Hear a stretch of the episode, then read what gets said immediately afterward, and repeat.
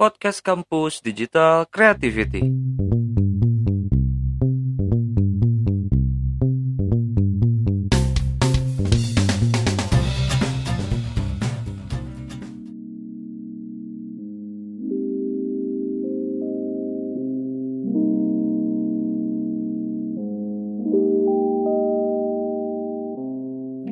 Halo, selamat datang kembali di Potiandu. Oke Nan, eh, aku mau bahas eh, cerita yang lagi rame nih, kebetulan. Wis, cerita apa nih? Eh, ya, kayaknya cerita ini lagi hot sih, banyak orang yang lagi ngomongin ini dan memang lagi panas aja sih, kayaknya di berita di mana-mana di media sosial, di bahkan sampai masuk ke TV juga kan. Eh, oke, Mhm. aku mau ngomongin masalah yang video prank sembako. Oh, iya iya. Gimana tuh gimana? ya, ini kayaknya bagus sih untuk dibahas. Eh, banyak hal yang unik sih untuk dibahas gitu dari kisah Hmm. dan kasus ini tuh. Mhm. Aku Tapi cerita- kak mungkin apa? sebelumnya ini kali yang bisa diceritain dulu gitu. Siapa tahu kan pendengar kita nih ada yang nggak tahu gimana sih ceritanya. Oh iya sih, benar juga. Aku bakal ceritain Hmm. juga ya ini dari eh, mungkin ya cerita singkatnya aja ya, sinopsisnya aja. Jadi ada seorang youtuber asal Bandung baru-baru ini gempar dibicarain orang-orang karena kasus yang sedang dialami, yaitu kasus video prank sembako. Sebelumnya memang dia menyajikan konten yang berisikan video prank dan juga hal yang nggak biasa lainnya. Tapi yang membuat kasus ini jadi viral dan jadi omongan orang banyak karena video prank ini bisa dibilang cukup melecehkan beberapa pihak. Apalagi dia dan teman-temannya melakukan prank ini di situasi pandemi virus COVID-19 ini. Dan banyak juga netizen yang geram dengan aksinya ini. Sehingga video ini banyak dihujat orang dan disebarluaskan di media sosial. Bahkan berita terakhir yang aku dapat, dia sekarang berstatus DPO dan sedang ditindaklanjuti oleh kepolisian kota Bandung. Tapi beberapa temannya yang juga terlibat dalam video itu udah ketangkep juga karena ada salah satu temannya yang menyerahkan diri dan kooperatif dengan pihak kepolisian. Ah, penyebabnya tuh mereka berstatus DPO ini tuh karena para korban yang merasa dilecehkan di video udah ngelaporin kejadian ini dan minta bantuan pihak kepolisian buat ngenindak eh, kasus ini gitu lebih lanjut. Mhm. Ya kira-kira segitu sih yang aku udah dapat. Hmm. Em, Mhm. Kira-kira ya Nan ya. Menurut kamu Hmm. nih Nan ya dengan dengan kasus ini, dengan cerita ini, Mhm. yang paling simpel sih pertanyaannya kira-kira kenapa dia berani melakukan hal tersebut gitu di saat situasi pandemi corona ini tuh? Hmm. Kalau ditanya kenapa, hmm, sebenarnya aku juga kurang tahu ya. Karena maksudnya motif di balik tindakan dia eh itu kayak gimana, eh, apa penyebabnya gitu. Hmm. Tapi eh kalau menurut aku sih, sebenarnya kalau gini aku nggak begitu ngikutin. Aku baru tahu dia itu bahkan pas si video ini muncul gitu loh kak. mulai ya mulai rame ya.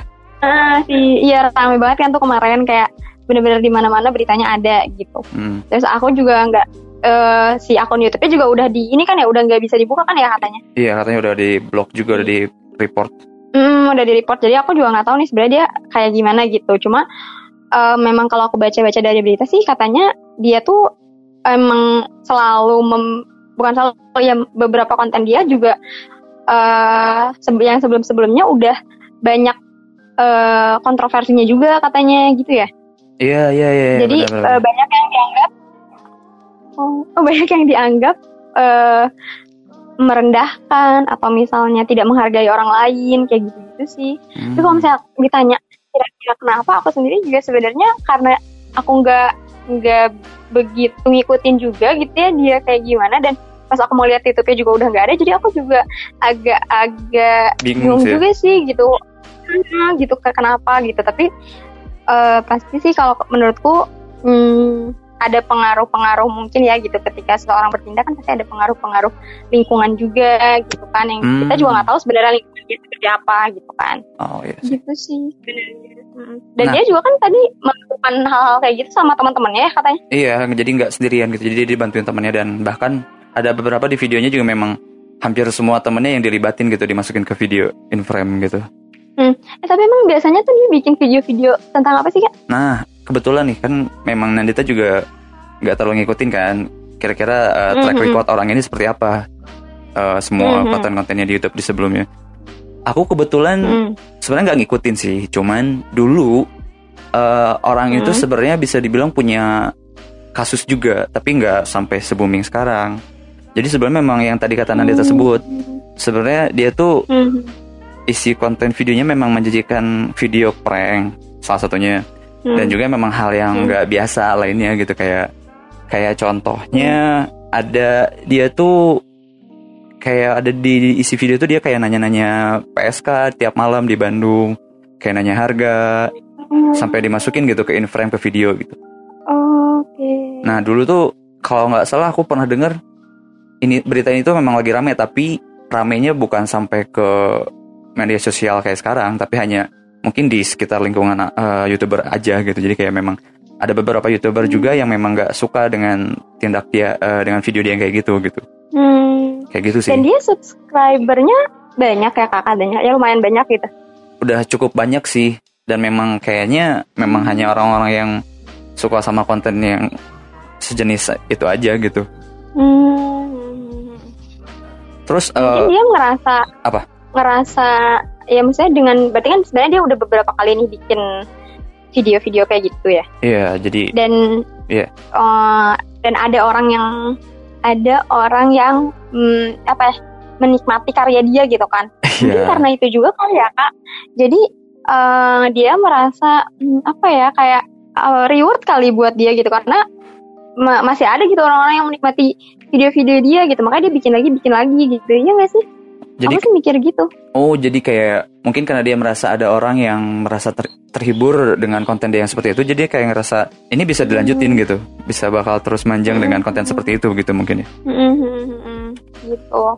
Padahal kan sebenarnya kontennya juga maksudnya ada banyak juga mungkin yang eh dari awal juga udah udah gak gak tertarik gitu sama konten dia tapi tetap ada orang-orang yang tertarik dan mungkin itu yang bikin dia terus kayak ya udah bikin lagi bikin lagi gitu videonya sampailah kejadian yang kemarin itu yang bikin viral banget itu Iya.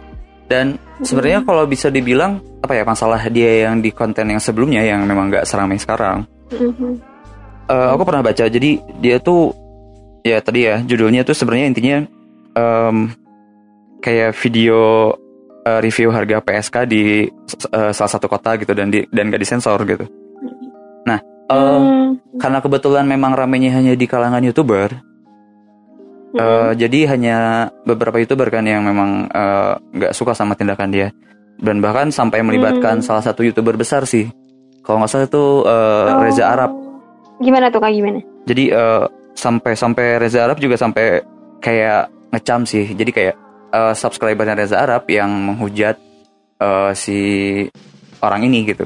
Nah, Mhm. dari, tapi dari situ eh, Reza Arab eh, ngerasa nggak setuju kalau misalkan orang ini dihujat terus gitu karena eh, dia merasa kalau misalkan orang ini terus dihujat, ini malah kayak ngasih ladang panggung buat dia gitu, malah bikin dia jadi naik gitu dan malah jadi nggak kekontrol nantinya ke depannya. Hmm. Makanya dia sampai sempat kayak kalau nggak salah ada sampai ada kasus sampai ya sampai ada insiden Reza Arab yang langsung nge-DM langsung ke orangnya gitu secara langsung. Dan memang katanya orangnya pernah minta maaf dan emang gak akan ngelakuin itu lagi. Hmm, tapi dia ngelakuin lagi ternyata gitu. Iya. Nah, kayaknya aku ngerti sih. M- mungkin perbedaan dari eh, masalah dia yang dulu itu sama yang sekarang. Kayaknya Hmm. menurut aku ya ada ada ada perbedaannya dari eh, feedback bukan feedback ya. Ada tindak lanjut dari korban sih. Ada orang yang merasa dilecehkannya itu loh. Iya nggak sih? Oh, iya iya iya benar benar benar benar. Orang yang eh ada orang yang merasa apa ya direndahkan gitu kali ya kak dan merasa gak enak lah gitu dapat perlakuan kayak gitu. Iya, terutama kayaknya kemungkinan video ini juga ada, maksudnya orang-orang yang merasa dilecehkan ini juga mungkin eh, secara nggak langsung me- apa ya nge-share semua video ini ke media sosial juga. Jadi pada akhirnya si kasus ini nggak eh, bisa apa bisa sebesar sekarang gitu, karena benar-benar disebarluaskan gitu loh, Hmm, nggak kayak mungkin dulu. kalau yang sebelum-sebelumnya nggak ada nggak ada eh, tindak lanjut dari korban atau misalnya nggak ada yang ngelaporin juga gitu ya kak. Jadi eh, dia juga kayak merasa ini masih aman-aman aja gitu untuk dilanjutkan gitu ya kak. Iya, karena aku pernah lihat sih Hmm. sekilas video dia yang dulu sama yang, yang sekarang juga aku udah lihat. Memang perbedaannya cukup jauh sih, dan kayak video yang dulu tuh dia memang nggak memperlihatkan muka mereka secara langsung dan jelas gitu. Mereka kayak cuman diem di Hmm. mobil, ngobrol dari luar kaca Mm-mm. dibuka sedikit. Nah kalau sedangkan Mm. video yang sekarang kan ibaratnya si korban juga bisa lihat orangnya siapa. Oh. Jadi ya ada memang ada kesempatan dari korban untuk eh, ya menindaklanjuti ini gitu ke ranah hukum. Hmm. Tapi menurut Eka sendiri gimana nih dengan tindakan si korban ini akhirnya melaporkan gitu? Eh sebenarnya ada dua hal sih dan ya jadinya memang 50-50 sih setengah-setengah karena mau bagaimanapun sebenarnya memang basicnya mereka hanya ya maksudnya prank ini tuh salah satu bagian dari sebuah konten gitu dan memang ini udah ada sejak lama dan memang udah banyak yang membuat prank gitu kan sebenarnya Hmm. sebenarnya sah-sah aja selama tidak merugikan orang lain gitu Hmm. Nah, mungkin sekarang yang bikin jadi 50-nya lagi salah tuh adalah ternyata si prank konten prank ini tuh ada impact yang cukup eh, buruk untuk orang lain yang artinya ya ada yang merasa dilecehkan, ada yang merasa tidak suka. Nah, itu sih yang Hmm. jadi salahnya sebenarnya. Karena yang Hmm. aku tahu sih ya, kayak dulu pernah Hmm. ada juga youtuber yang bikin prank tapi ternyata Hmm. ketahuan ternyata settingan kan. Hmm. Nah, itu kan sebenarnya kan pure konten dan memang tidak ada yang merasa tersakiti sebenarnya di situ Hmm. yang akhirnya jadi sah-sah aja. Tapi untuk kali ini kan Hmm. memang benar-benar prank yang memang ujungnya ada orang yang merasa tidak suka dan tersakiti gitu dari situ. Mungkin itu sih. Hmm. Ya sih kebayang sih. Dan udah gitu dilakuinnya di keadaan yang di situasi yang eh sekarang kita lagi ibaratnya lagi berduka lah gitu kan, lagi menghadapi wabah kan, lagi menghadapi COVID-19 ini gitu. Dia malah melakukan hal yang kayak gitu kan. Jadi Iya. kayaknya mungkin juga momentumnya hmm, Sangat pas tidak juga gitu. Iya, Mm, pas maksudnya pas salahnya tuh pas gitu di saat iya. yang kayak gini malah dia bikin konten kayak gitu gitu. Eh, kamu eh, ini juga nggak ikut eh, berita yang bahkan dia sampai bikin video gitu loh, bikin video permintaan maaf. Tapi ternyata ngeprank Hmm. juga gitu. Oh, aku tuh iya ya aku aku sebenarnya nggak lihat videonya tapi aku baca beritanya. Nah terus eh ada juga video yang dia kayak dia baru dia bilang dia mau nyerahin diri ke polisi gitu-gitu loh kak. Nah, oke.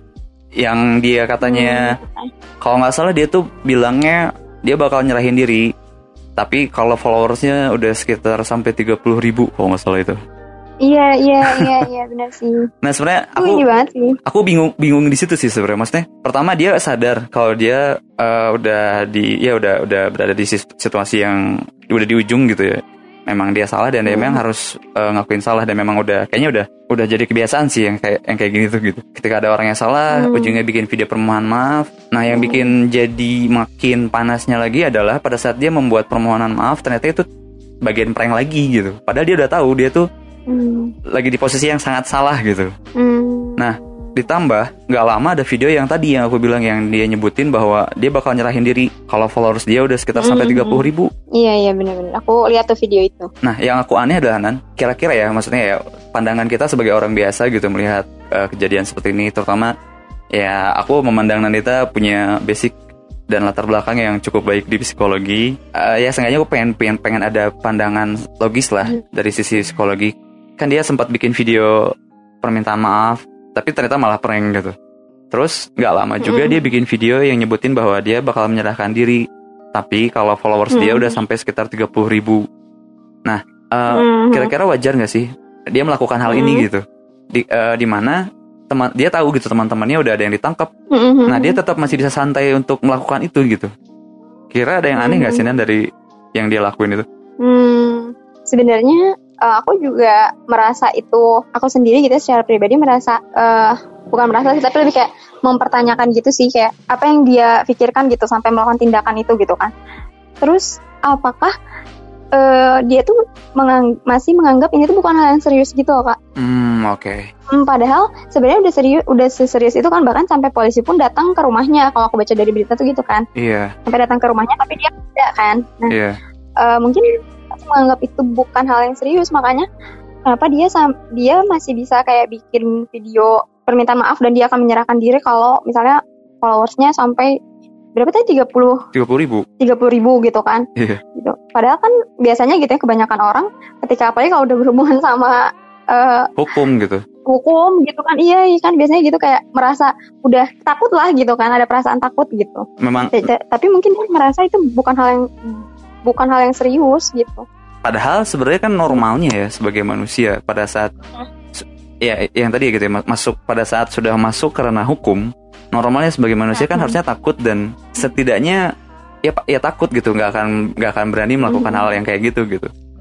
Apakah ada ada kegangguan nggak sih dari situ gitu dari orangnya tersebut gitu? Hmm, hmm. Mungkin kalau gangguan tuh harus di ini dulu kali ya harus diperiksa ya apa di mm, mm, diperiksa dulu lebih lanjut gitu. Entah itu tenaga profesional kita harus me- memeriksa langsung apakah memang dia secara mental ada gangguan atau enggak gitu kan itu memang harus ada pemeriksaan sih kalau menurutku gitu. ya, kalau ya, memang mm, perilaku dia karena kan kita ngelihatnya agak bingung juga ya kok bisa gitu orang ngelakuin kayak gitu. tapi eh, aku sih Oh, ya. aku aku sempat nangkap sih sedikit kenapa dia Gimana bisa kayak gitu gitu Gimana gimana? bisa dibilang di Indonesia banyak kejadian Hmm. yang seperti ini gitu yang udah-udah. Kayak Nandita mungkin sering lihat Hmm. di berita kayak ada orang yang melakukan hal yang salah dan disebarluaskan di Hmm. media sosial karena mungkin Hmm. dia takut dihujat dan mungkin juga dia Hmm. takut kan karena hukum. Jadi dia Hmm. bikin video permintaan maaf. Ya Mm, mm, paling minimnya kan mengurangi hukumannya aja gitu. Nah, dan itu sudah berulang-ulang gitu. Sangat Hmm. sering berulang-ulang. Itu udah udah sering kayak gitu. Oh, maksudnya kejadian itu banyak terjadi gitu. Iya, sudah sering terjadi kan kayak gini gitu. Saat orang melakukan Mhm. salah dan terekspos di media sosial karena dia takut dihujat Mhm. dan takut hukumannya berat, Mhm. dia bikin video permintaan maaf. Tapi pada akhirnya Mhm. dan nah nah yang jadi masalah ini adalah eh, pada akhirnya itu kayak masalahnya kayak udah hilang aja gitu, kayak dilupakan. Hmm. Nah, karena itu sering terjadi, mungkin orang-orang yang contohnya ya orang ini ya, dia dia dia juga berpikir Mhm. gitu. Oh ya udah toh mungkin kalau dia melakukan ini pun ya udah toh pada akhirnya bakal hilang juga gitu masalah ini. Bakal dilupakan juga gitu. Jadi dia kayak merasa ah ya udah nggak masalah. Ini bukan hal yang Hmm, serius ya, gitu. Jadi dia kayak menganggap menganggap itu sebagai solusi gitu ya kak kayak permintaan maaf tuh gitu. Iya. Gitu gak sih? Padahal sebenarnya itu tidak menyelesaikan masalah dia kan. Iya dan bahkan tidak sepenuhnya sama dengan kejadian yang udah-udah. Makanya aku bilang beda banget gitu. Mhm. dari video-video Mhm. orang lain yang mungkin ya mereka yang eh, bikin video permintaan maaf dan akhirnya dilupain ya mungkin ya itu terjadi sama mereka Eh, faktanya Mhm. eh, orang ini malah mengalami hal yang lebih parah gitu di sini netizen semua orang bisa dibilang se Indonesia sampai mendukung untuk ya ditangkap gitu dihukum seberat-beratnya Mhm. dan mungkin ya ditambah tidak tepat aja waktunya pada saat sedang pandemik ini gitu Mhm. dan kayaknya dia juga mungkin Iya nggak sih. nyangka sih ini lebih parah sih dari yang udah-udah gitu karena semua orang sampai benar-benar menganggap ini serius. Nah, kalau menurut kakak sendiri nih kan kakak juga eh, sekarang bergerak di bidang konten kreator kan. nah, bisa masuk situ ya sebenarnya iya gitu. Eh, apa sih kak? Hmm, apa ya hal yang menurut saya kan perlu kita perhatikan gitu sebagai eh, pembuat konten gitu. oh eh, oh, oke oke kebijakan mungkin ya lebih tepatnya ya Mhm. Mhm. kalau tapi aku nggak nggak berani menyebut aku sendiri sebagai konten kreator sih sebenarnya meskipun memang orang ada yang menganggap seperti itu ya anggaplah aku masih belajar Hmm. sih nan Iya iya oke oke lagi belajar sedang belajar. Iya. Tapi kalau pandangan aku eh, untuk Hmm. membuat sebuah konten sebagai kont- eh, konten kreator lebih Hmm. ke membuat sebuah konten yang memang berguna aja untuk orang-orang sih.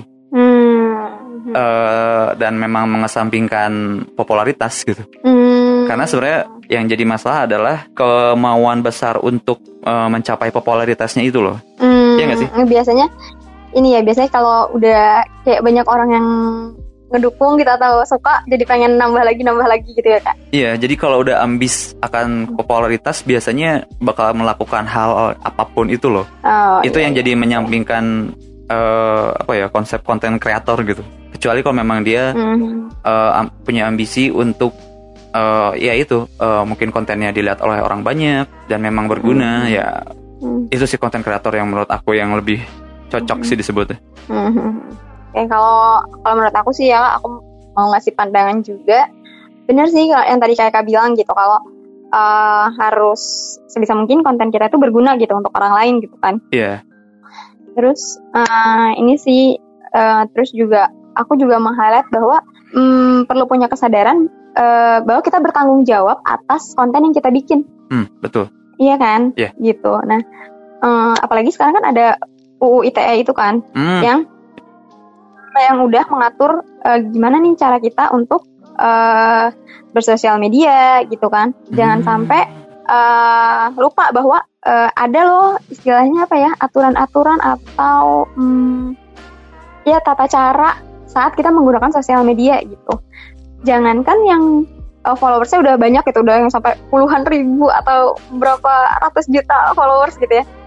Eh, menurutku bahkan kita pun yang ibaratnya hmm, followers gak banyak banyak amat gitu kan, itu Iya. juga tetap harus, iya kan, tetap harus tetap bijak lah ya. punya tanggung jawab gitu. Hmm, harus bijak, tetap punya tanggung jawab eh, atas apa yang apa yang kita share gitu ke sosial media. Benar nggak sih kan? Iya iya iya. Memang kayaknya sebenarnya di di zaman sekarang memang yang paling di yang harus diperhatikan adalah bijak bersosial medianya sih. Benar sih yang kata Hmm. Nandita tadi. Jadi semenjak ada UU ITE ini tuh kayaknya nggak bisa sembarangan orang untuk benar-benar mengungkapkan Hmm. apa yang pengen dia ungkapin gitu. Terkait itu kak, hmm, gimana caranya? Kan kita bebas nih Hmm. mengungkapkan sesuatu gitu ya, eh, mengungkapkan pen- pendapat kita gitu. Kita bisa bebas mengungkapkan pendapat gitu kan, itu kan salah satu hak asasi manusia juga kan. Iya. Nah, eh, tapi kita tetap bisa eh, bijak gitu dalam men-share sesuatu gitu. Kebayang nggak, Kak? Hmm, Iya iya iya kebayang kebayang kebayang. Kira-kira hmm, apa ya gitu? Yang ya entah itu eh, caranya, entah itu gimana pandangan Kak tentang hal itu gitu. Hmm, oke. Sebenarnya sih semu apa ya kasus ini tuh intinya semuanya tuh balik lagi ke yang tadi sih. Mm-mm. Apa pun itu yang ada di kasus ini ya sebenarnya sama sih. Intinya balik ke yang tadi Nandita bilang. Semenjak ada UU ITE, kita benar-benar harus apa bijak bersosial media gitu. Bahkan ya apa pun Mhm. yang kita buat, ya itu yang harus kita pertanggungjawabkan gitu. Karena eh, apa ya melenceng sedikit eh, kekuatan sosial media sekarang tuh ya cukup bahaya. Ya mungkin kasus ini pun contohnya ya bisa bisa dibilang kenapa bisa sampai meledak ya beritanya karena memang Hmm. dari kurangnya bijak bersosial media sih sebenarnya. Ya nggak sih? Hmm, mungkin kita eh, tetap punya kebebasan gitu, tapi tahu di mana porsinya gitu ya kak, dan tetap bertanggung jawab dengan pendapat kita. Nah, ya. Iya nggak sih kak? Hmm, kalau aku rangkum nih dari tadi eh eh, ininya kak Eka gitu, Jadi iya kan? kebebasan yang bertanggung jawab lah ya. Hmm, bener banget sih. Hikmahnya itu mungkin ya. Hmm. Hmm, jadi pelajaran juga nggak sih kak buat banyak orang juga gitu?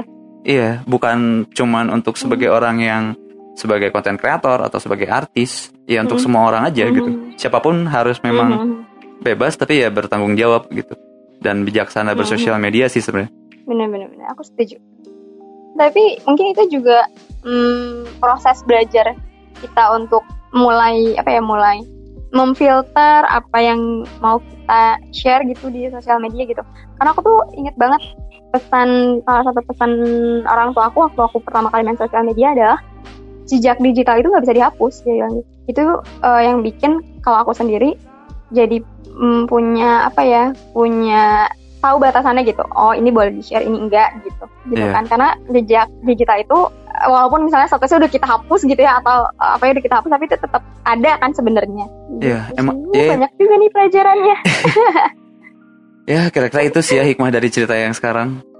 Eh, buat yang mau share ceritanya boleh eh, kita tunggu bisa dikirimin ke email kita di potiando@gmail.com.